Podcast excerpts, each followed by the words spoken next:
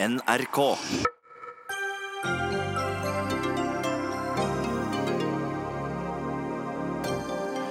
Domfelte kan bli nektet å flytte hjem til utsatte byområder, og foreldre kan bli bøtelagt om de holder barna borte fra skolen. Dette er forslag i Arbeiderpartiets migrasjonsutvalg, men blir møtt med tafatt og møte seg selv i døren fra noen av partimotstanderne.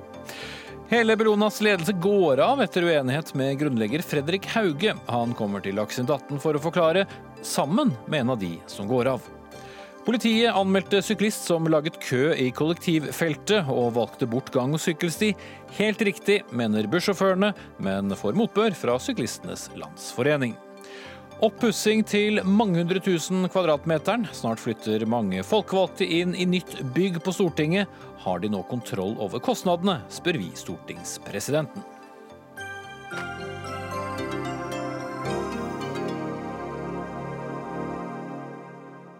Da ønsker vi velkommen til eh, oktobers aller første Dagsnytt 18 med Espen Aas, der vi også skal snakke om liberalisering av drosjenæringen. Men eh, helt først skal det handle om integrering. Bøtelegging av foreldre som holder barna borte fra skolen, og tvangsflytting av domsfeltet er to av punktene i Arbeiderpartiets forslag til hvordan norsk integreringspolitikk bør se ut i årene som kommer. Utvalget, som også har sett på ny bosettingspolitikk for å få innvandrere raskere ut i jobb, er ledet av Masud Gharahkhani, som også er stortingsrepresentant. Og Gharahkhani, hva er det viktigste i forslaget som du har lagt fram ettermiddag?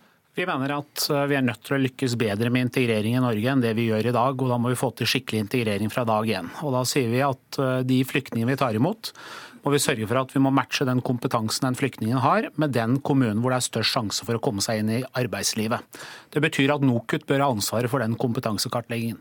Og alle som stoppet og lurte på hva NOKUT var? Eh, NOKUT det er jo eh, de som godkjenner hvordan utdanningssystemet skal være, og eh, den kompetansen og den realkompetansen den flyktningen har. Hvordan kan raskt få et fagbrev f.eks. For, eksempel, for å komme seg inn i et norsk arbeidsliv. Så sier vi at vi må også stille større krav til kommunene. fordi i dag så er det jo sånn at det er store variasjoner fra kommune til kommune kommunene, hvordan man lykkes med integreringen. Det betyr at de kommuner som skal eh, ta imot flyktninger i tiden fremover, de må vite hva slags arbeidsmarked de har. De må ha samarbeid med utdanningsinstitusjonene. De må ha samarbeid med næringslivet. Eh, det betyr språkpraksisplasser. Eh, det betyr barnehageplass fra dag én.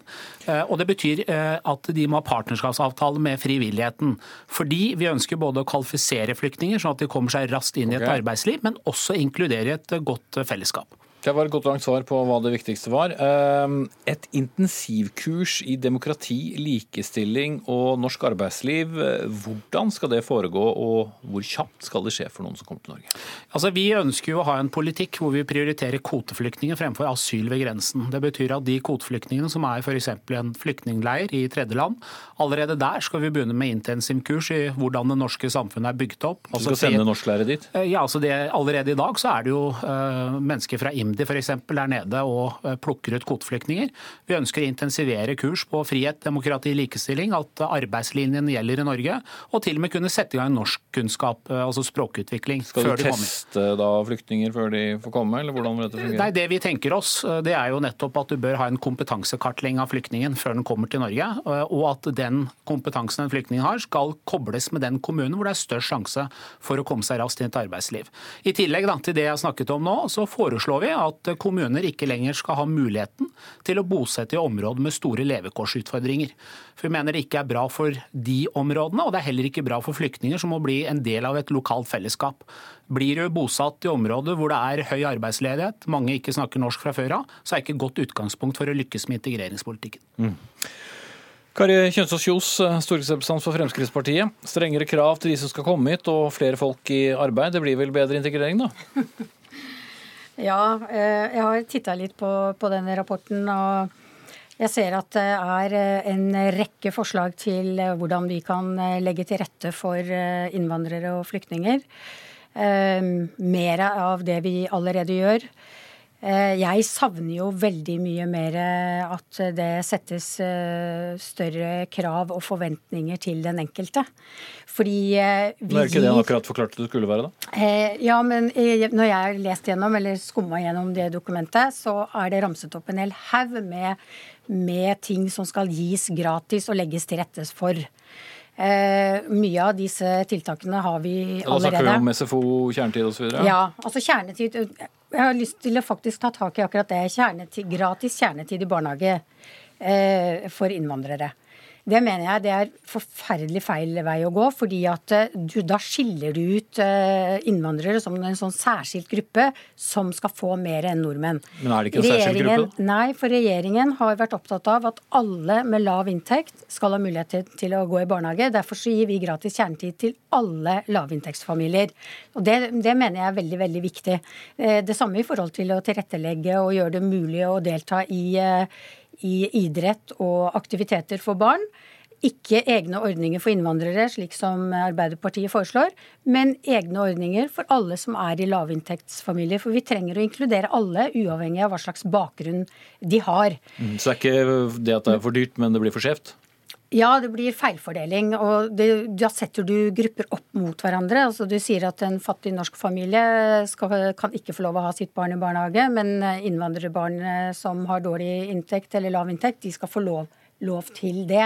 Nå rister han så mye på hodet at jeg er redd for brillene her, så det er best du svarer. Ja, Det jeg har sagt i dag, det er at eh, i integreringspolitikken skal vi ha tøff løv. Hva handler det om? Jo, vi skal stille nettopp krav til folk, men vi skal også stille opp. Det vi ser i dag, da, det er at under dagens regjering så er det kun 61% av nyankomne flyktninger som klarer å komme seg videre til utdanning eller arbeid. Det er ikke godt nok. Det at vi kan stille krav, men også stille opp med muligheter, sånn at de kommer seg fort inn i et arbeidsliv, er viktig for dem. Hva var svaret på det hun utfordret deg på i stedet? Viktig for dem, sånn at de klarer å forsørge seg selv og sin familie, men også for velferdssamfunnets bærekraft. Og så er det feil det Frp sier. Vi sier jo at FSFO, SFO, eh, AKS, som f.eks. i denne fantastiske byen, gjennomfører jo nå byrådslederen for alle førsteklassinger. Så det vi foreslår, det er for alle, det er ikke bare for innvandrere. Men vi mener at noen områder jo, men jo, men det er jo i de områdene så er det jo ikke bare innvandrere som bor. Poenget er jo at vi ønsker å stille opp for de barna, sånn at fattigdom ikke går i arv. og Den beste måten vi gjør det på, er nettopp å få folk inn i barnehage, gode skole- og utdanningssystemer. Og det skal gjelde for alle. Kjapp replikk til det, fordi at eh, de har avgrenset det til at du skal bo i et spesielt område. Så hvis du har veldig lav inntekt, du er fattig og bor et annet sted, så skal du ikke ha de samme rettighetene. Det er det som står i dokumentet deres. Så altså, da behandler dere ikke alle barn likt. Det er mitt poeng. Når det gjelder SFO, AKS, så ønsker vi å gjøre det i hele landet. Når det gjelder dette med skolemat, så ønsker vi å gjøre det i hele landet. Men så sier okay, vi noen kan... områder har særskilte utfordringer. For å sørge for at fattigdom ikke går i arv, ulikhetene ikke er der, så må vi sette i gang tiltak. Og det må gjelde for alle barn som er der. Okay, uansett hva slags bakgrunn de har. Freddy André Øvstegård, stortingsrepresentant for eh, SV. Var det kloke forslag fra Arbeiderpartiet i dag? Ja, det var en del forslag som vi er veldig glad for at eh, Arbeiderpartiet har fulgt noe i SVs eh, spor på. F.eks. nettopp det vi diskuterte nå om gratis eh, kjernetid i skolefritidsordninga, i barnehager. Og Der er jeg jo helt helt uenig med det Frp sier nå. fordi det er jo akkurat de ordningene som gjør at man møtes på tvers av bakgrunn. Ikke den behovsprøvde fattigkasseordninga som Frp i regjering har innført, gjennom at kun er de med aller minst som får lov til å ta del i tilbudet tilbudet. Det vi trenger, er jo nettopp mer av de universelle, åpne møteplassene hvor folk med ulik type bakgrunn, ulik type inntekt hos foreldrene, kan møtes på tvers, bli kjent, integrere de som kommer mm. fra andre land, men også eh, bekjempe barnefattigdom, f.eks. Men Kan du sette godkjent stempel på hele dokumentet, eller var det også ting som SV ikke var så enig i her? Ja, Det er det vi, vi, vi liker med, med Arbeiderpartiets forslag, da, men så er det noen problemer. fordi jeg mener jo at man eh, stikker litt skjepper i hjula for sin egen integreringspolitikk når man også åpner for økt midlertidighet, sånn som Arbeiderpartiet gjør nå, hvor man lager et eh, A- og et B-lag blant eh, flyktninger. Man sier altså at krigsflyktningene de skal kun få midlertidig opphold, og så skal de helst sendes tilbake til nærområdene, som jo for så vidt er velkjent retorikk fra partiet ved siden av der igjen. Og Vi mener jo at det kommer i veien for integrering hvis man vet at man kanskje kommer til å bli sendt ut av landet. At man Men skal man da komme til Norge og få vite at man blir, eller hva tenker du? Ja, så hvis man får, eh, for det, det, man gjør, er at man sier at de som får opphold på bakgrunn av eh, såkalt eh, ja, subsidiær beskyttelse, altså de som kommer fra land med krig, nød, naturkatastrofer, de skal kun få midlertidig opphold. Det mener jeg er en veldig gal måte å gjøre dette på. fordi Hvis man ikke vet om man får bli i landet, man ikke kan få et permanent opphold, hvorfor skal du da gidde å integrere deg i det samfunnet? Jeg trodde egentlig dere aller helst ville ha de i nærområdene, ikke hit i hele tatt. Jeg, du, Det Vi har gjort, vi har jo lagt fram en helhetlig innvandringspolitikk som faktisk sørger for at vi får færre midlertidighet i Norge. Det vi sier er at det er 25 millioner flyktninger i verden. Og de mest sårbare av de, det er kvoteflyktningene. Det er de som ikke har råd. Eh, det er de som ikke har råd til å betale menneskesmuglere, de som ikke har lommeboka til å betale den reisen over til Europa og søke om beskyttelse. Da må vi tenke nytt. Færre asyl ved grensen for å prioritere flere kvoteflyktninger. Og hva er kvoteflyktninger? Jo, det er jo mennesker som kommer fra flyktningleir via fly direkte til Norge. Vi vet hvor mange som kommer, sånn at vi har forutsigbarhet og styring på eh, innvandring til Norge. Og det er folk som skal rett inn i et lokalsamfunn og skal starte integrering fra dag én. Det vil bety færre midlertidighet. Ja, men hva, hvem er da midlertidige? Altså, de, det er altså folk som f.eks. fra Syria, som kommer hit fordi det er krig i Syria, som være her en stund, og så skal sendes tilbake Nei, og ikke altså, integreres, eller hvordan fungerer jeg tror, dette? Jeg tror det er en misforståelse uh, på det Freddy sier. Det vi foreslår, er at kommer du til Norge som asylsøker, så skal vi ha avtale med land hvor vi kan henvise deg tilbake, fordi vi ønsker å prioritere kvoteflyktninger, de aller mest sårbare. Det er den måten Norge skal være med på dugnaden, for det er de mest sårbare som ikke har lommebok, mm. som ikke har mulighet til å betale menneskesmuglere, og det er ikke menneskesmuglere som skal styre flyktningpolitikken i verden. Hvem skal få opphold etter Arbeiderpartiets uh, integreringspolitikk, da? Det er kvoteflyktninger. Eh, det er det vi ønsker. Ja, det er kvoteflyktninger vi ønsker å prioritere, for det er de aller mest sårbare. Og det vil også sikre en god forutsigbarhet på innvandringen. For de som kommer, de skal rett inn etter lokalsamfunnet. Vi skal starte integrering fra dag én for hele den familien. Kjos, og så uh, tilbake til Østgård. Ja, og dette er jo Fremskrittspartiet helt enig i. fordi det er jo det vi har sagt på inn- og utpust nå i 20 år. At vi mm. bruker veldig mye ressurser så nå har dere blitt uh, forent? Som, ja, på, på, mennesker som strengt tatt ikke har krav på opphold i, i Norge. Eh, mens kvoteflyktningene sitter i eh, flyktningleirer over veldig veldig lang tid. Så eh, viser jo eh, det Arbeiderpartiet har lagt fram, at de også nå erkjenner at vi har tatt imot for mange i Norge, og det gjør at integreringen ikke har lykkes. Det Så det, det, snakker, det, som de har lagt fram i dag, er jo step to, det er jo integreringen. Mm. Eh, og der har de kommet med en del eh, mer av det som vi allerede har startet opp. Og en av de tingene de peker på, og som jeg er glad for at de støtter nå, det er jo dette med at kommuner som ikke gjør en god nok jobb, eller ikke kan skaffe jobb, de får heller ikke bosette noen. Mm. Dette, og heller ikke da pengene som følger med. Dette startet vi med i fjor, og da kritiserte Arbeiderpartiet det. Og nå syns jeg det er veldig fint okay. at de er enige da er dere enige. Jeg lovte Øvstegård inn før vi etter hvert skal runde her. Ja, og Dette illustrerer jo egentlig problemet i kanskje norsk uh, asylpolitikk spesielt. At Arbeiderpartiet har flyttet seg ganske mye over på FrPs eh, banehalvdel, og så snakker om økt bruk av tvangsretur, skal ha avtaler med flere utrygge områder. Det er ikke sånn man løser integreringsutfordringene i Norge. Det gjør man med utdanning, med jobb. og en ting som som dere ikke har nevnt, og det vil jeg utfordre dere på helt til slutt. Eh, dere har ikke nevnt diskriminering av innvandrere i arbeidsmarkedet ved et eneste ord. Det er sånn at Man har 20% mindre sjanse for å bli kalt inn til et jobbintervju hvis du f.eks. heter Masud og ikke Freddy. Ikke det vil jeg ha politikk mot. Det da har du i hvert fall fått uh, utfordret, men du får dessverre ikke tid til å svare, for nå er vi ved veis ende. Takk skal dere ha, Masud Gharahkhani, stortingsrepresentant og leder av Arbeiderpartiets migrasjonsutvalg, Freddy André Øvstegård, stortingsrepresentant for SV, og Kari Kjønaas Kjos fra Fremskrittspartiet. Dagsnytt 18 alle hverdager kl 18.00 på NRK P2 og NRK2.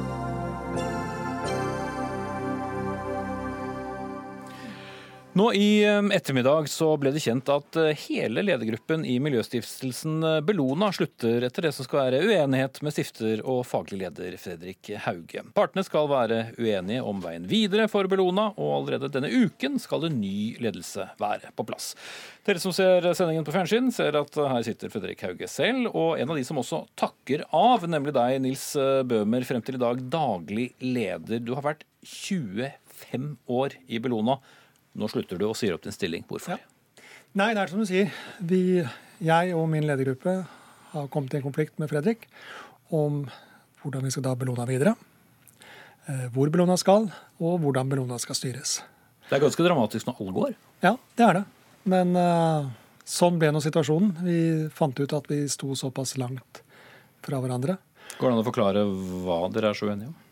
Jeg har ikke lyst til å gå i detaljer, men det var summen av både endringer som Fredrik ønsker i styringsstrukturen, endringer i strategien som ikke vi er helt enige med, og litt hvordan hva Bellona skal være framover. Mm. Hva skulle du ønske at Bellona var framover? Nei, altså Vi har jo startet en reise eh, på å profesjonalisere Bellona. Eh, vi har sett resultater av det med bedre økonomi, en bedre organisasjonskultur, mer systematikk i arbeidet vi gjør. Og jeg hadde håpet å fortsette den, den reisen og den jobben. Men eh, når det er sagt, så vet jeg at det er veldig mange gode fagfolk i Bellona som kommer til å ta, denne, ta Bellona videre. Mm. Ja, Fredrik Hauge, er du, er du for vanskelig å, å jobbe sammen med? Og jeg kan sikkert være en utfordrende person å jobbe med, men som stifter i Bellona, så er det min jobb å ivareta enkelte sentrale ting og drive Bellona framover. Og det er helt riktig som Nils sier, det er etablert en god og solid plattform. Det har vært utført mye godt arbeid. Og så har vi kommet i en situasjon hvor vi er enige om å være uenige. Og jeg har lyst til å si at det, det, det, det er en spesiell dag for Nils og jeg. Vi har jobbet veldig mange år sammen. Og det er ingenting i dette som har skjedd her, som forandrer min respekt og min takknemlighet både for Nils og den ledergruppa som han har hatt. Men enig om å være uenig, det er jo likevel dramatisk når alle lederne går? Ja, det er det. Men det er også sånn at når daglig leder går, så er det også naturlig at hans ledergruppe skiftes ut i forhold til at Stubelona da har anledning til å sette sammen en ny ledergruppe, og den vil bli presentert for organisasjonen allerede denne uken, slik at den daglige driften og kontinuiteten og det gode arbeidet vil fortsette. Men du var ikke uenig i profesjonell drift og god økonomi? Nei, dette handler mer om eh, hvordan vi skal se framover. Verden er i rask endring. Jeg har store ambisjoner videre for Bellona. Eh, og i dette så er det kanskje like mye en uenighet om hvordan vi implementerer og gjennomfører den strategien som er vedtatt, og også min rolle. Og jeg har tenkt å lede Bellona videre og er svært stolt av det arbeidet både Nils har gjort og andre, og, og gleder meg til fortsettelsen. Mm. Uh, Bøhmer, har dette vært en situasjon som har gått over um, lengre tid? Ja, den har jo holdt på en, en stund. Eh, noen måter. Eh, men så har vi jo da prøvd å få til en løsning. Siste måneden, siste ja. Du ser nesten beveget ut i dag. Ja. Det er så rart, skjønner du. Vi har opplevd utrolig mye sammen, så dette er en rar dag for oss begge to. Jeg tror det er første gang vi i Dagsnytt 18 sammen. Også, liksom, første gangs opplevelse. Nei, så det er klart, jeg har vært der 25 år. Vært med på mye. Men det var altså helt umulig å, å få henne til å møtes denne gangen? Ja, jeg tror vi var, ja. Vi prøvde. Eh, men vi fant ut at vi var såpass langt unna hverandre. Mm. Men du, velger, du, velger å gå selv. Det er ikke Hauge som har sagt at uh, nå må du nesten gå, for nå kommer vi ikke noen vei videre? Altså, det har vært en gjensidig forståelse av hvordan vi skal ta dette videre. At, uh, ja, Vi hadde en samtale her var det forrige, nei, ja, forrige uke, forrige uke. Ja, hvor vi egentlig var ganske ærlige mot hverandre og vel, konkluderte med at her sto vi for langt unna hverandre til at det var noe vits å gå videre. Og da er det like greit å si at nok er nok. Mm. Gjensidig forståelse, det har jeg hørt mange ganger uh, når jeg har jobbet som næringslivsjournalist. Det, pleier ofte å være at den som er øverst, uh, sier at uh, OK, nå er det ikke plass til oss. Men vi har hatt en prosess som jeg opplever har vært ryddig. Den har vært vanskelig. men de har også samtidig eh, gitt meg en anledning til veldig raskt å kunne sette inn en ny ledelsesgruppe og ta driften videre. Det setter jeg veldig pris på. Sånn at ja, jeg er stifter, og jeg har et overordnet ansvar for å, for å ta det ansvaret og lede Bellona videre. Det er derfor jeg jobber 16-18 timer i døgnet. Og jeg har ikke tenkt å slutte med det. Og så er jeg bare veldig takknemlig. Både for alt det jeg har jobbet sammen med Nils, og alt det jeg har lært. Men uh, for to mennesker som har jobbet sammen da i, i 25 år, uh, og når vi kommer til dette punktet, så må det være ganske forskjellige retninger dere vil gå når vi kommer til uh, et punkt hvor så mange går fra bordet? Ja, nå har jeg først og fremst forholdt meg til, til, Nils som daglig leder i denne prosessen. Og så finner jeg det ikke så unaturlig at når han slutter, at også hans ledergruppe slutter. Jo, men for alle som så, så, hører så, på dere vokste opp nærmest med Bellona, så, jo, jo, nei, må man gi oss en slags innsikt i hvor, jo, men det er, ikke, det er, det er, så liksom én sak her som har Det er liksom summen av alt sammen som har gjort at uh, jeg for min del så at dette ikke var uh, noe jeg kunne gå videre med. Litt sånn mm. på min personlige integritet. Og jeg tror, eh, det var vel også det resten av ledergruppa opplevde, at det ble for mange ja, Kameler er kanskje forferdelig, men ble, ble for mye, summen ble for mye til at vi kunne si at vi kunne fortsette. Mm. Ja, Apropos sum, du nevnte jo økonomi. Eh, er dere uenig i pengebruken? Eh, hva en skal bruke penger på? Nei, det går egentlig ikke det. Men det er mer hvordan vi skal drives og hvor vi skal hen, og hva som skal være innholdet i Bellona framover. Og også hvordan eh, Bellona skal styres, og i hvor stor grad en ledergruppe skal være ha, ha den daglige driften av Bellona. Hvordan kommer Bellona til å se ut eh, nå fremover, da, Hauge? Nå er det etablert en god plattform, men det er også min jobb som stifter å utfordre organisasjonen. Det er et samfunn i rask endring, og det betyr også at Bellona må forandre aktiviteter. og Dette er nå en diskusjon. Eh, hvordan da styret skal revidere eh, strategi og gjennomføring av denne, og også styringsmodellen i Bellona. Men én ting er sikkert. Bellona er ikke ferdig, og det kommer til å være en stor og viktig organisasjon som kommer til å gjøre en forskjell. Og Et godt eksempel på hva vi har oppnådd, er alt det med Russland. Jeg vet ikke hvor mange milliarder dollar vi ja, okay. har skaffet, men, men, vi skal være en viktig organisasjon, og vi har store ambisjoner for den videre driften ut fra den gode plattformen som Nils overlever. Var det på noe tidspunkt en tanke for deg at det kunne blitt omvendt? At uh, du tenkte nå, nå får Bellona være Bellona, eller kommer det aldri til å være noe Bellona uten Fredrik Hauge? Du, Sånne prosesser eh, er for så vidt nyttige, fordi at du må tenke deg om. Eh, men det var på en måte ikke noe tvil. Jeg har tenkt å fortsette å lede Bellona, og jeg har ikke noe bedre å gjøre. Ok. Du må finne deg noe annet. Jeg må finne noe annet ja. Takk skal dere ha, Nils Bøhmer. Frem til i dag daglig leder i Miljøstiftelsen Bellona, og Fredrik Hauge, stifter av Bellona.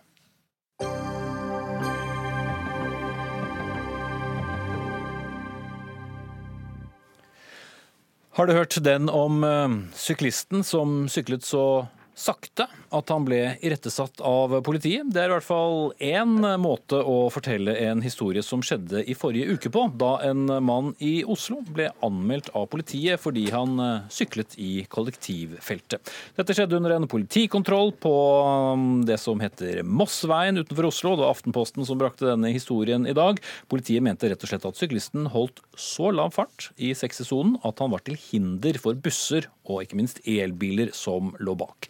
Det hører med til historien at det er gang- og sykkelvei som går ved siden av denne bilveien. Og Ikke at vi skal forelske oss i denne strekningen alene, men vi vil også snakke litt om prinsippene her. Morgan Andersen, eh, generalsekretær i Syklistenes Landsforening. I Aftenpostens uttrykte du støtte til syklisten. Eh, hvorfor? I denne konkrete saken eh, og i den informasjonen som vi sitter på, så var det ikke grunnlag for en anmeldelse. Vedkommende hadde stoppa på rødt lys. Eh, og da kjører i gang etter når det blir grønt. Så kommer, eh, kjører trafikken ifra han, men han er, pleier å ligge i 40 km i timen. Og det var stopp lenger frem, så han ville henta inn den trafikken rimelig raskt. Og den eh, trafikken som kommer bak, det er snakk om sekunder før de da hadde vært inne i ny kø. Så politiet tok feil? Ja, Det er ikke grunnlag for en anmeldelse i saken her. Jeg sier ikke at det ikke kan være grunnlag i andre saker, men akkurat den saken her så mener vi at det ikke er grunnlag for en anmeldelse. Mm. Og Så er det gang- og sykkelvei ved siden av, og, og syklisten har jo vel både uttalt seg på Twitter og, og til avisen om at han mente at det ikke var eh, riktig. Er du enig i det? Altså, Gang- og sykkelvei er ikke egna for uh, sykling i høy fart. Vi skal eh, bygge god sykkelinfrastruktur i norske byer. Eh, og da må vi ha atskilte sykkelinfrastruktur. Vi skal ikke blande gående og syklende.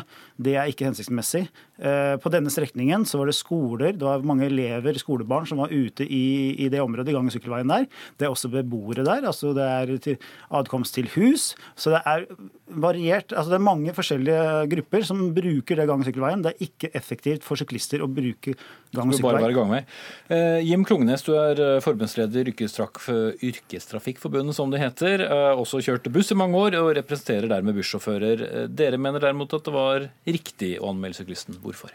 Ja, Det mener vi var riktig. Eh, med det inntrykket jeg har fått fra, av saken gjennom media, så var det riktig. Eh, og det er Kollektivfelt er jo for å lage for at kollektivtrafikken skal komme fort fram. Altså Du skal frakte mange mennesker fra A til B så effektivt og hurtig som mulig. Og når det da er en sykkelsti, gangsti, sykkelsti ved siden av der, så eh, blir det helt feil for oss at, at eh, en syklist skal forsinke eh, kollektivtrafikken. Det men, men argumentet om at han da ivaretar sikkerheten til de som skal gå på skolen og som kommer ut der? Det blir jo veldig merkelig å fremstille gang- og sykkelstier som uegnet til sykling, da, som eh, Nahomannen her eh, gjorde. Eh, man må jo, Uansett hvor man ferdes i trafikken, om det er på en gang- eller sykkelsti, eller om det er ute i trafikken blant bilene, så må man opptre hensynsfullt. Uh, og det, det, må man kunne gjøre når man er syklist også. Mm. Ja, Det er vel det mange syns høres rart ut, Andersson, at uh, man ikke skal sykle på sykkelvei. Uh, men det handler først og fremst på at noen, noen, foretrekker å sykle så fort de kan, og da må de gjøre det der hvor bilen kjører. Vi har eh, en politikk og nasjonale mål om å øke sykkelandelen i Norge. 8% på nasjonal basis og 20% i store byene. Da må vi bygge effektivt transportsystem for syklister. Og Per i dag så er ikke gang- og sykkelvei, den kombinerte løsningen for gående og syklende, en god, eh, en god løsning. Mm. Så det er bortkastet penger rett og slett på alle de I gang- og sykkel... I sentrale strøk med, med, hvor det er mye trafikk av gående og syklende, så er, eh, fungerer det ikke. rett og slett. Vi må ha atskilte systemer, rene sykkelveier, og, og, det samme for gående. Og uh, da kan vi også, øh, trenger vi ikke å bruke veibanen i den grad vi gjør det nå. Mm. Ja, jeg er jo helt enig i at man bør bygge mer gang- og sykkelveier, men da må de jo bruke det. Det går jo ikke an å argumentere for at man skal bygge mer gang- og sykkelveier, samtidig som man argumenterer for at man skal, ikke skal bruke det, man skal kjøre ute i trafikken. Mm. Vi har med oss eh, en til i studio, nemlig deg, Tanja Lofsgarden, sjefingeniør i Statens eh, vegvesen. Driver og bygger en masse gang- og sykkelveier som bare burde vært gangveier? Nei, det gjør vi ikke konkret i dette tilfellet så er det en gang- og sykkelvei du kan sykle på. Og som Organ Andersson sier, på deler av strekninga så er det nok konflikter med gående. Men stort sett så er det fint mulig å sykle i en relativt god hastighet og samtidig ta hensyn der det er nødvendig. Så er det jo slik at vi bygger sammenhengende sykkelveier ellers i landet òg, som skiller både gående og syklende. Men akkurat på denne strekninga så er det ikke det. Så jevnt over så er det ganske bra, er det det du sier? Jeg sier at det er på vei. Vi er, er heller ikke fornøyde. Vi er fullstendig klar over at vi har en vei å gå, og at det ikke er godt nok tilrettelagt overalt. Men jeg syns ikke vi trenger å smartmåle det såpass. Det er fortsatt gode akser inn til byene, inn mot flere byområder, og det er nettopp det vi jobber med i framtida. Å få til gode forbindelser i og gjennom byområder. Men der må vi jo ha med kommuner, fylkeskommuner inn i det arbeidet for å sørge for at Eh, sykkelveinettet blir sammenhengende. Mm. Men vi har jo holdt på med sykkelveier eh, så lenge jeg har levd, så vidt jeg kan huske. Eh, rart at vi ikke har knukket den koden ennå. Ja, det, det, er helt sant. Vi har hatt prioriteringer og ønsker om dette i veldig lang tid. Men vilje til å prioritere både penger til prosjekt og areal har jo ikke alltid vært gjeldende. Men det syns jeg jo absolutt er en veldig positiv vri nå. Mm. Der folk er mye mer på. Men uh, Andersson, handler det litt om at det er, det er noen syklister, type menn i vår alder, i 40-50-årsalderen, som skal sykle veldig fort, og så finnes det andre syklister? Må vi skille dem? Ja, det er et godt poeng. Eh, sånn som det er nå, så må vi skille eh, mange steder. Og vi mener jo hvis du holder en fart på 40 km i timen, eh, så er det godt mulig å følge trafikken på god måte der fartsgrensen er maks 50 km og kanskje opptil 60 km. Du har mopeder som har en maksgrense på 45 km. Hva med de? de? Hvis de er til hindring for trafikken, skal man også anmelde mopedister? Altså det men vi, vi, er på vei mot en infrastruktur. Vi ønsker en infrastruktur hvor vi ikke trenger eh, å snakke om den problematikken her, hvor vi har atskilte systemer, gode systemer. Og det er jo nasjonal politikk nok en gang å, å bygge opp gode systemer for kollektiv, for sykkel og gange. Og Da må det prioriteres i planer, og, og midlene man følger med. Mm. Men Hvor godt er dette utbygget eh, sett fra deres eh, ståsted i dag, da, hvor det er sykkelveier som er gode nok til at man kan sykle så fort man, man klarer? Man bygger eh, for å ta et eksempel, man bygger en eh, sykkelstamvei i, mellom Stavanger og Sandnes. Den eh, er god nok. Det er ypperste klasse. Sånne, den type løsninger må man få flere steder. Og man, man, snakker om sykkelekspressveier, at det er en satsing. Det tar tid før det kommer på plass. Og det er jo høystandards sykkelveier inn til byene. Og en slik uh, sykkelvei trenger vi også på Mosseveien. På Mosseveien er det langt fra godt nok for uh, verken syklister eller bussjåfører eller andre trafikanter. Der er det mange utfordringer. Uh, og Derfor så oppstår slike situasjoner som vi ser i dag. Mm. Men Klognes, som en mann som er erfaren i trafikken, hvis noen faktisk sykler som 40 km i, i morgenrushet, så er det vel begrenset hvor mye kø en, en syklist uh, vil klare å gjøre. Jeg har, um, har prøvd noe rushtrafikk i bil selv, og det går jo ikke fort. Nei, men, men, det er klart det at i et kollektivfelt, jo flere du får inn der, jo mer forsinka blir, blir bussene. Og, og, Det betyr jo noe samfunnsøkonomisk. Ett minutt per passasjer når det er 60 stykker. Det betyr en time, det.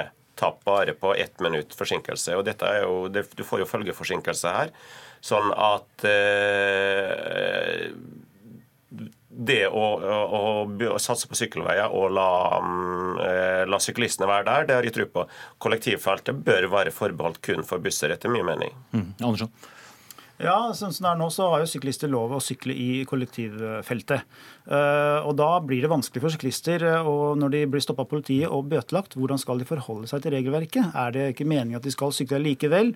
Eh, vi forstår at man skal følge veitrafikkloven paragraf nummer tre. Ja, hvor man skal ta ja, Ikke vært til unødig hinder for annen trafikk. Og Det mener vi i dette konkrete tilfellet at han ikke var, siden køen stoppa bare 100 meter fremme igjen. Men i andre tilfeller så kanskje det er tilfellet, og det gjelder alle trafikanter, også syklister. Mm, jeg er uenig i det, da, for det er på det stedet der sånn som jeg har forstått i avisa, så var fartsgrensa 60 km i timen.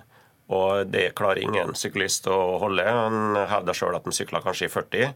Men det vil, eh, hvis han sykler der daglig, som du får inntrykk av, så vil han forsinke kollektivtrafikken eh, på daglig basis. Og det er ikke akseptabelt.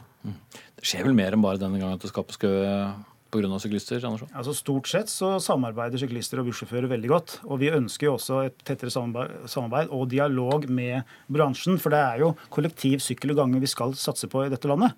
Eh, da må vi finne gode løsninger. Eh, men det, det tilhører nok sjeldenhetene tross alt at, eh, at, vi opplever den situasjonen vi gjorde i dag. Men noen ganger, ja, det skjer. Og selvfølgelig syklister må ta hensyn og følge veitrafikkloven. Mm.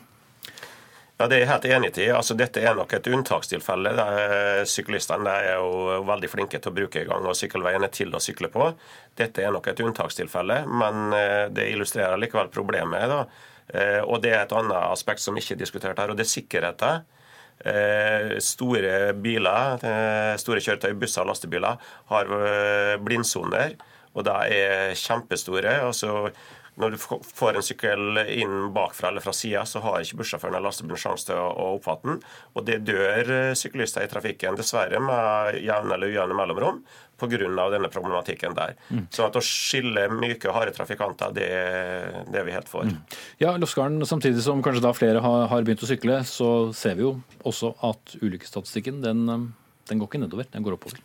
Nei, dessverre. På syklist så går det ikke nedover. Alvorlige dødsulykker ligger omtrent på ti dødsulykker i året de siste fem åra. Og det er jo ei ulykke for mange nok for oss. Så dette er jo noe vi jobber med på flere områder. Både med fysisk infrastruktur, for vi vet at vi må ha et eller annet sykkelveier å sykle på. Vi jobber med kjøretøyteknikk opp mot bransjen og næringa i forhold til detektorer og kameraer. Fordi mange av ulykkene er overrepresentert med tungbiler. Og så jobber vi mye med atferd i trafikken. For det handler i bunn og grunn mye om å samhandle og se på hverandre, vise hensyn, vise tegn. Og eh, vite hvor en skal plassere seg i trafikken. Mm. Uten at jeg har sjekket sosiale medier nå, Andersson, så har jeg en følelse av at mange lurer på hva som generelt sett er galt med, med sykkelvei. For mange opplever jo å se mange syklister i nettopp eh, kollektivfeltet. Er det rett og slett man får ikke sykle fort nok? Uh, altså Det som mangler, det, hvis det var det du spurte om, så er det jo et sammenhengende sykkelveinett mest mulig separert fra øvrig trafikk. Så man slipper å bremse opp? Uh, ja, så man har en jevn flyt, og at man kan uh, sykle på en effektiv og trygg måte. Det er dit vi ønsker oss at vi skal da ende opp. og vi skal jo ha med oss vi må ikke glemme at vi skal ha med oss flere grupper opp på sykkelen. Hvis vi skal nå de ambisiøse målene om 20% sykkelandel i byene, 8% nasjonalt, så må flere grupper opp på sykkelen. Flere barn, flere unge, flere eldre, flere kvinner sykler. Per nå så er det det samme type syklister for å kalle det det, som sykler som før. Det er de som tør å sykle. Mm. Noe er uh, i veien med veien, noen steder i hvert fall. skal vi si det sånn. Morgan Andersen, generalsekretær i Syklistenes Landsforening. Jim Klungnes, uh, forbundsleder i Yrkestrafikkforbundet. Og Tanja Lofsgaard, Garn til og med, sjefingeniør i Statens vegvesen. Takk.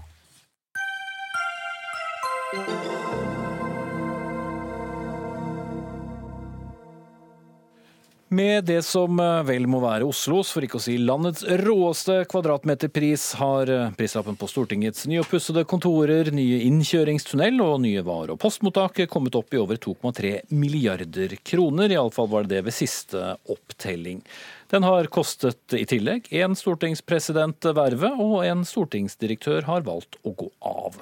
De første anslagene på den oppussingen var eh, i 2011 var helt nede på 70 millioner, en 39. del av dagens sum. Men eh, stortingspresident Tone Trøen, du tok da over jobben og har det overordnede ansvaret. Hvordan ser kostnadsbildet ut nå, som vi skal få statsbudsjett og det hele om en uke?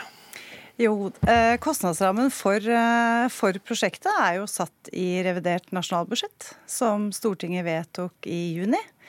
Og det er på 2321 millioner kroner. Mm.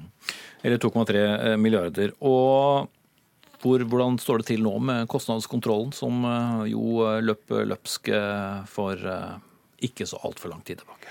Det er gjort en rekke viktige grep eh, i prosjektet fra, fra mars og, og utover. Eh, det ene er jo at eller det første, før Stortinget vedtok den nye kostnadsrammen, så hadde vi jo en ekstern eh, kvalitetssikring av tallene.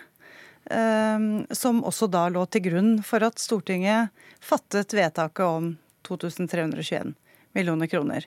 Eh, så er prosjektledelsen betydelig styrket. Eh, Statsbygg er inne i prosjektledelsen. Vi har ukentlig krav, altså krav om ukentlig avviksrapportering.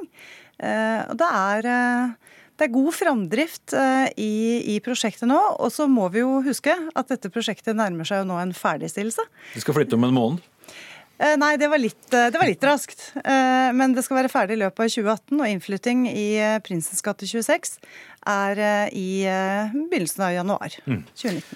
Men ifølge Aftenposten i forrige uke så ble 219 millioner kroner lagt til i det avisen omtaler som stat, i ulike kostnader som Stortingets presidentskap mener har direkte eller mer indirekte tilknytning til byggeprosjektet. Hva er det? Rammen er 2321 millioner kroner, som jeg sa innledningsvis.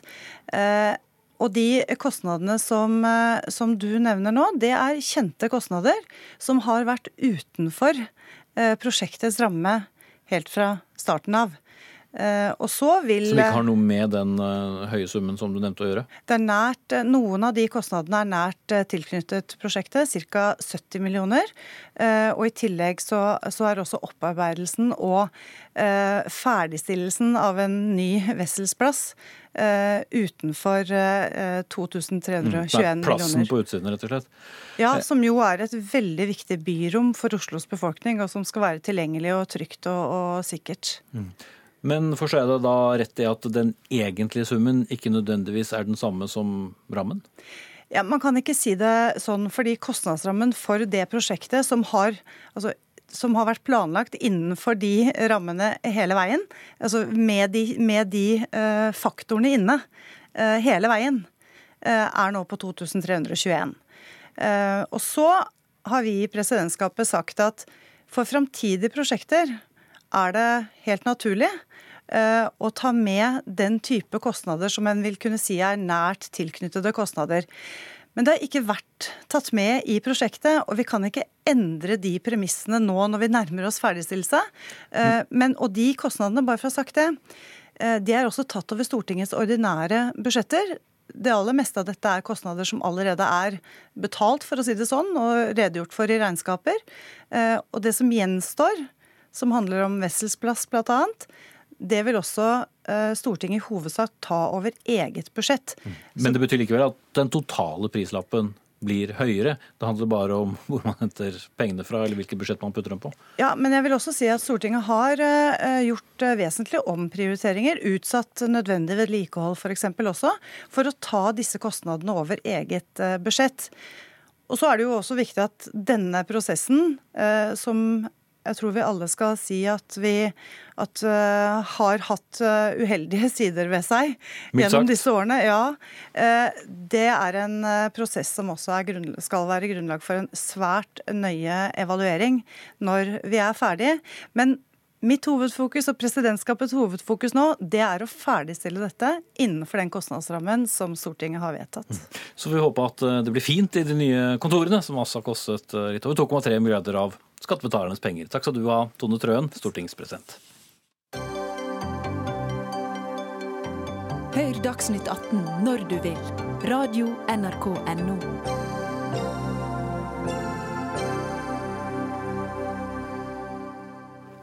Mens ehm, skuespillerne står på scenen, så forfaller Nationaltheatret stadig mer. Rehabiliteringen startet først i 2022, og dermed må teatrets ansatte klare seg under nokså provisoriske forhold.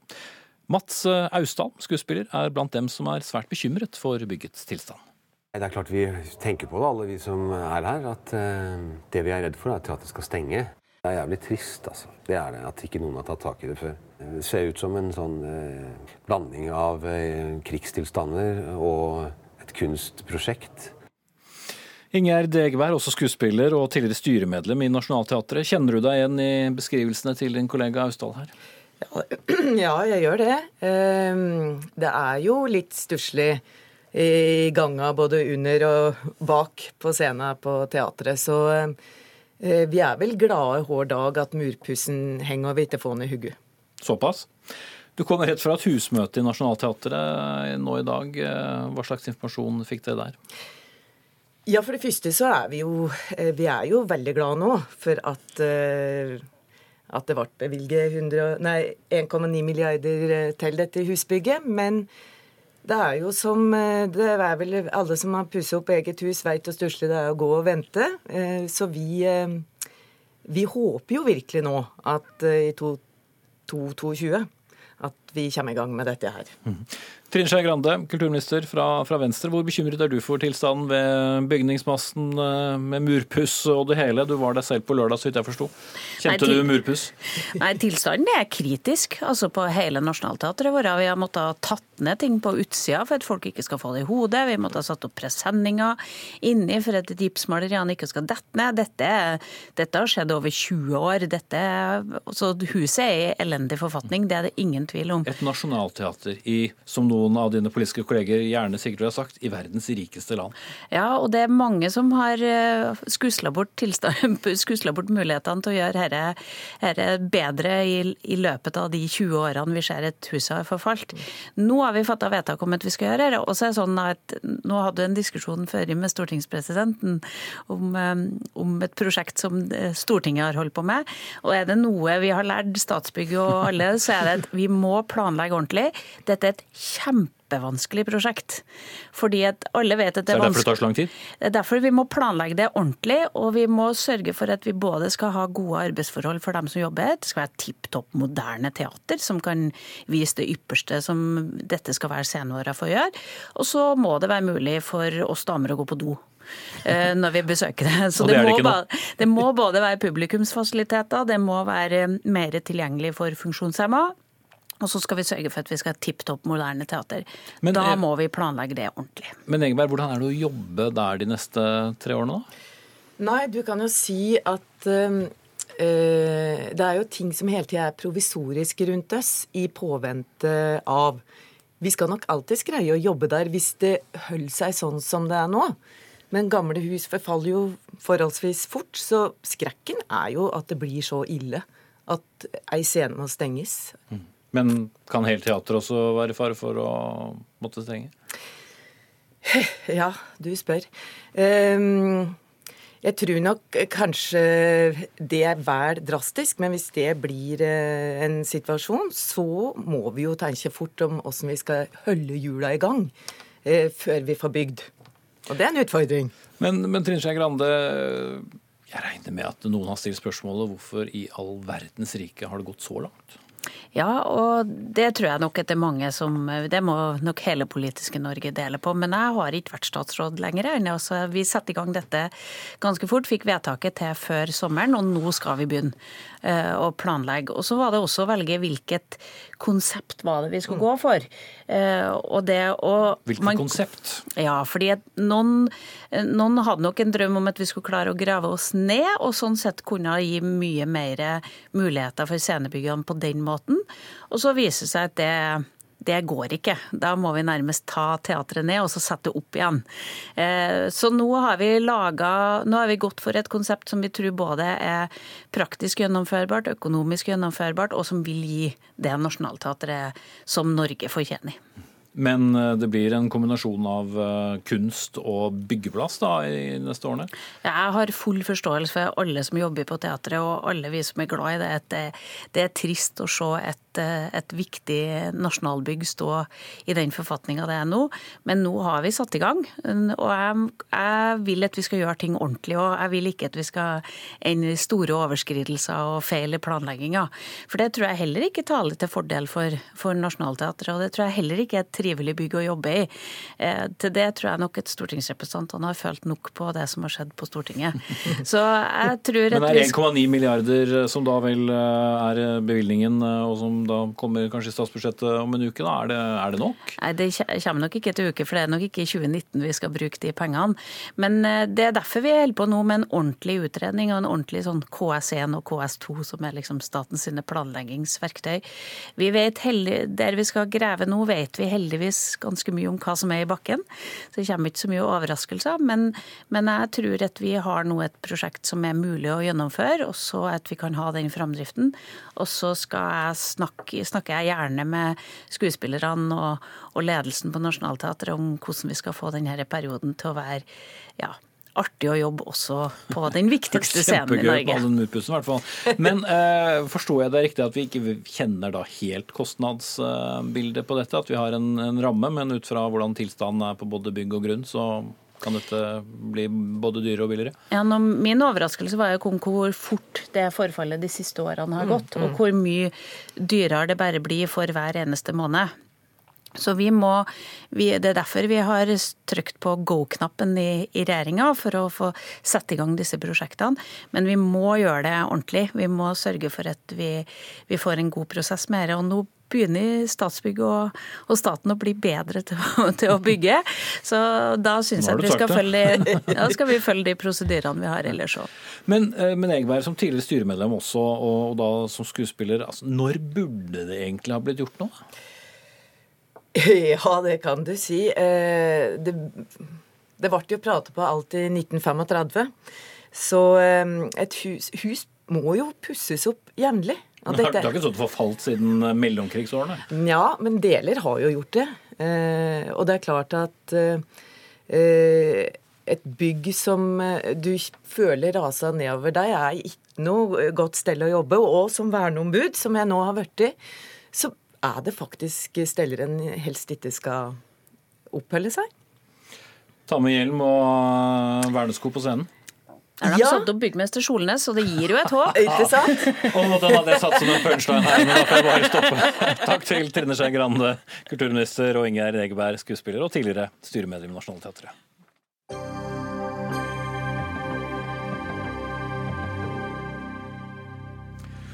Vi skal eh, tilbake på veien igjen, i den forstand at eh, regjeringen foreslår eh, store endringer for drosjenæringen, og går bl.a. inn for mer liberalisering og fjerning av det som heter behovsprøving på drosjeløyver. Bl.a. skal drosjen ikke lenger trenge å være tilknyttet en sentral, men fortsatt må både biler og sjåfører opplyse visse krav. Dette er da som de fleste forslag, noe som skal ut på høring. Men sentralstyremedlem eh, Lasse Fredheim i Unge Høyre, du har vært ute og jublet eh, over dette med utropstegn og mer til i dag. Hvorfor det? Jo, fordi at eh, vi reiser stadig færre kilometer med drosje. Knapt halvparten av tiden hvor drosjesjåførene kjørte i fjor, så hadde de passasjerer i bilen. Og for hver time hvor drosjen går, så er det altså kun tre kvarter Nei, så står han i ro i tre kvarter. Og Altfor mange drosjer, da? Ja, eller jeg tror nok eh, vi kanskje har for mange drosjer på feil tidspunkt. Og det skyldes nok en god del årsaker. Eh, og mange vil nok skylde på drosjenæringen, men først og fremst er det jo politikerne som har tviholdt på et eldgammelt system som ikke fungerer. Hvor vi tror at politikerne skal sitte og bestemme når drosjene skal kjøre, istedenfor at markedet kan regulere det sjøl. Og heldigvis så tar nå Jon Georg Dale og resten av regjeringen grep for at, eh, for at eh, markedet sjøl kan bestemme når det er behov for drosjene. Men uh, what's in it for me som uh, drosjebruker? Hva, som, hva, tjener jeg på dette? Som drosjebruker så kjenner du nok på at du ikke har 14 drosjer stående og venter på det klokka 12 på dagen. Men når du skal hjem fra byen klokka 12 på kvelden, så må du stå en time i kø. I dag så reguleres drosjemarkedet på en helt vill måte, som gjør at vi har altfor mange drosjer på dagtid og altfor få drosjer på kveldstid når det er behov for drosjene. Øystein Trevland, styreleder i Taxiforbundet. Fortell oss om hvorfor vi har så ville tilstander. Nei, Nå kan vi jo gå litt tilbake i tid. at 98 så ble det jo et frislepp i Oslo. Og eh, det han vil ha mer av nå, det gjorde de i 98, og da ble mor syk. Og den medisinen vil han gi enda mer av. Og dette blir jo helt håpløst. Ja, men Han Men, eh, snakker det- mer om at det handlet om å fordele bilene litt mer utover. At det var flere vi trengte det. Er jo en grunn til at de er på jobb 12-14 timer i døgnet. Det er jo for at det er vanskelig å leve av det i dag. Og med enda flere biler ute, så blir det enda vanskeligere å leve av det. Så en uh, mer regulert næring, og de kan få opp antall kilometer, besatte kilometer, så vil det bli rimeligere i taxi her. Ikke den de legger ut nå. Så det du sier er å ikke gjøre det som Unge Høyre har eh, jublet for, men heller ha færre drosjer, og da vil det bli billigere å kjøre. Ja. Så hva er det han ikke har forstått? Nei, Det er at det allerede er en stor overetablering i Oslo med altfor mange biler som skal dele den samme kaka. Men dette gjelder ikke bare Oslo, dette gjelder vel hele landet? for så vidt. da, Ja, de største byene Ja. gjelder det. Ja. Fredheim. Ja, når Han sier at mor ble syk i 1998 når vi fikk flere drosjer enn på markedet i Oslo. Men det var jo fordi vi brukte den samme medisinen som vi visste ikke fungerte. Vi endra jo ikke på reglene, bortsett fra at vi slapp til flere drosjer. Vi hadde fremdeles antallsbegrensning og fremdeles eh, gårsdagens løyveordning. Nå får vi en modernisert løyveordning som ikke legger opp til et eh, store kompetansekrav som det ikke er behov for, som ikke legger opp til at vi stenger folk ute fra markedet, men at vi heller slipper inn moderne løsninger, moderne teknologi som forbrukerne etterspør, sånn at de får bedre kvalitet, de får tryggere reise, og de får billigere reise. Ok, Treland.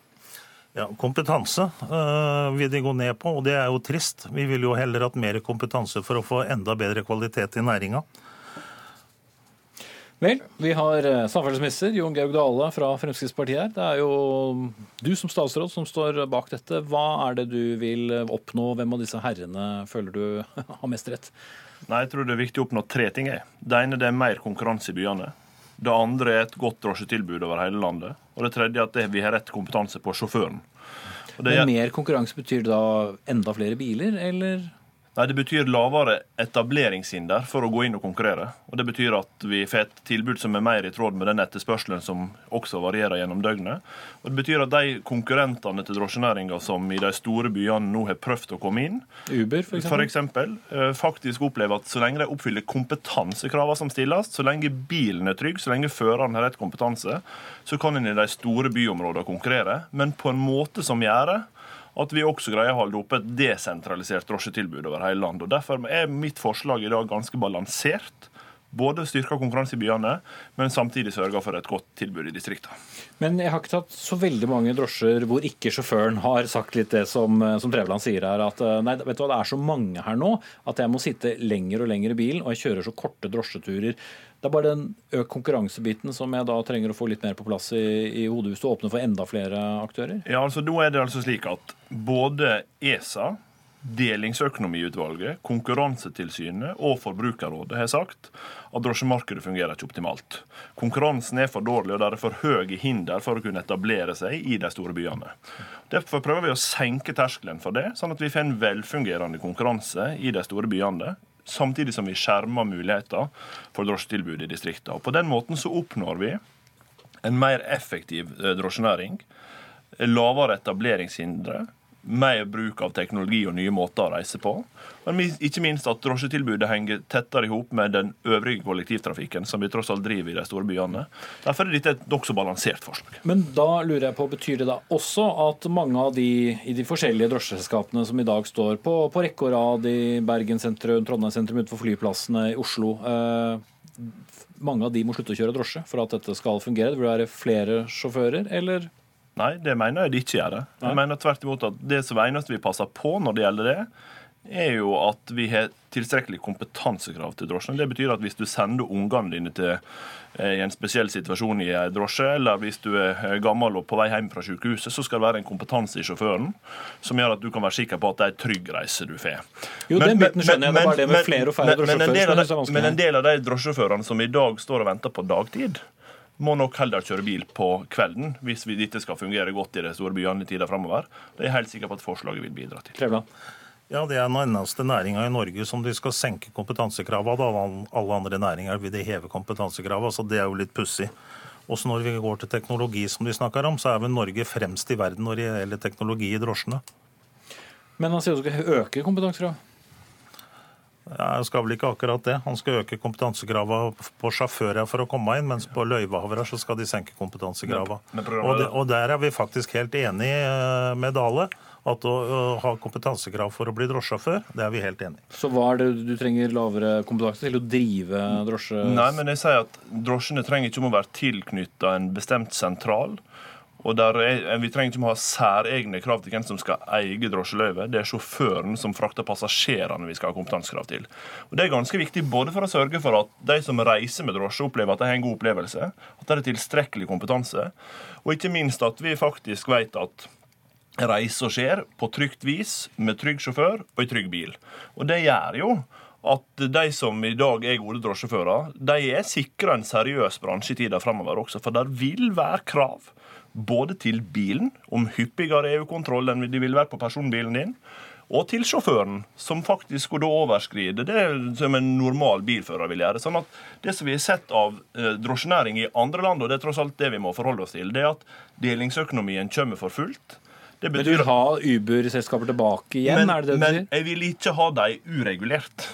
Det er hele poenget. Med den måten å regulere på, med kompetansekrav, med krav til bilen, så vil det faktisk ikke sånn at hvem som helst kan ta bilen sin, kjøre ut på veien og ta oppdrag. Det vil faktisk være sånn at de må ha en kvalitetssikra bil og et kvalitetssikra sjåfør bak rattet. Og Det gjør at der vil være grunnlag for ei seriøs drosjenæring, men med økt konkurranse i byene og fortsatt mulighet til å opprettholde et godt tilbud i distriktene. Programleder, jeg, Jeg vil bare høre, du skal få slippe til igjen, Fredheim, men, eh, men Trevland, eh, Vi ville, ville det som eh, statsråd nå sier, eh, bety at f.eks. Uber, sånn som vi så det, ikke kunne operert i fremtiden, eller er det å åpne døren for dem igjen? Uber kunne vel operert når de var her òg, hvis de hadde fulgt lover og regler i Norge og betalt skatter og avgifter. Eh, Og konkurranse på like vilkår skal vi takle på en utmerket måte. Men han vil jo fjerne løyveeksamen for å få drosjeløyve, og han vil fjerne bankgarantien eh, på drosjer, mens de skal beholde det på turbil eh, og godstransport. Og det er jo litt pussig. Skal slippe til deg uh, igjen, Fredheim, som har veivet med armen her nå, så skal Dale få, få svare på, på Treveland. for litt av grunnen til at, eh, til at eh, noen av kompetansekravene fjernes og erstattes med moderne kompetansekrav, er jo fordi at de er ganske umoderne. I eh, et, et kompetansekrav som du må kunne for å bestå løyveeksamen, er at du må kunne håndtere sjekker. Jeg tror ikke det er så mange som betaler taxien sin med sjekk i dag. Et annet eh, kompetansekrav som du må håndtere, er å kunne velge ut kjøretøy etter behovet til sjåføren. Det tror jeg sjåføren kan gjøre helt fint uten en eksamen. Og et tredje kompetansekrav, som de òg sitter til krav i dag hos Statens vegvesen, er at man var i stand til å lage en organisasjonsplan.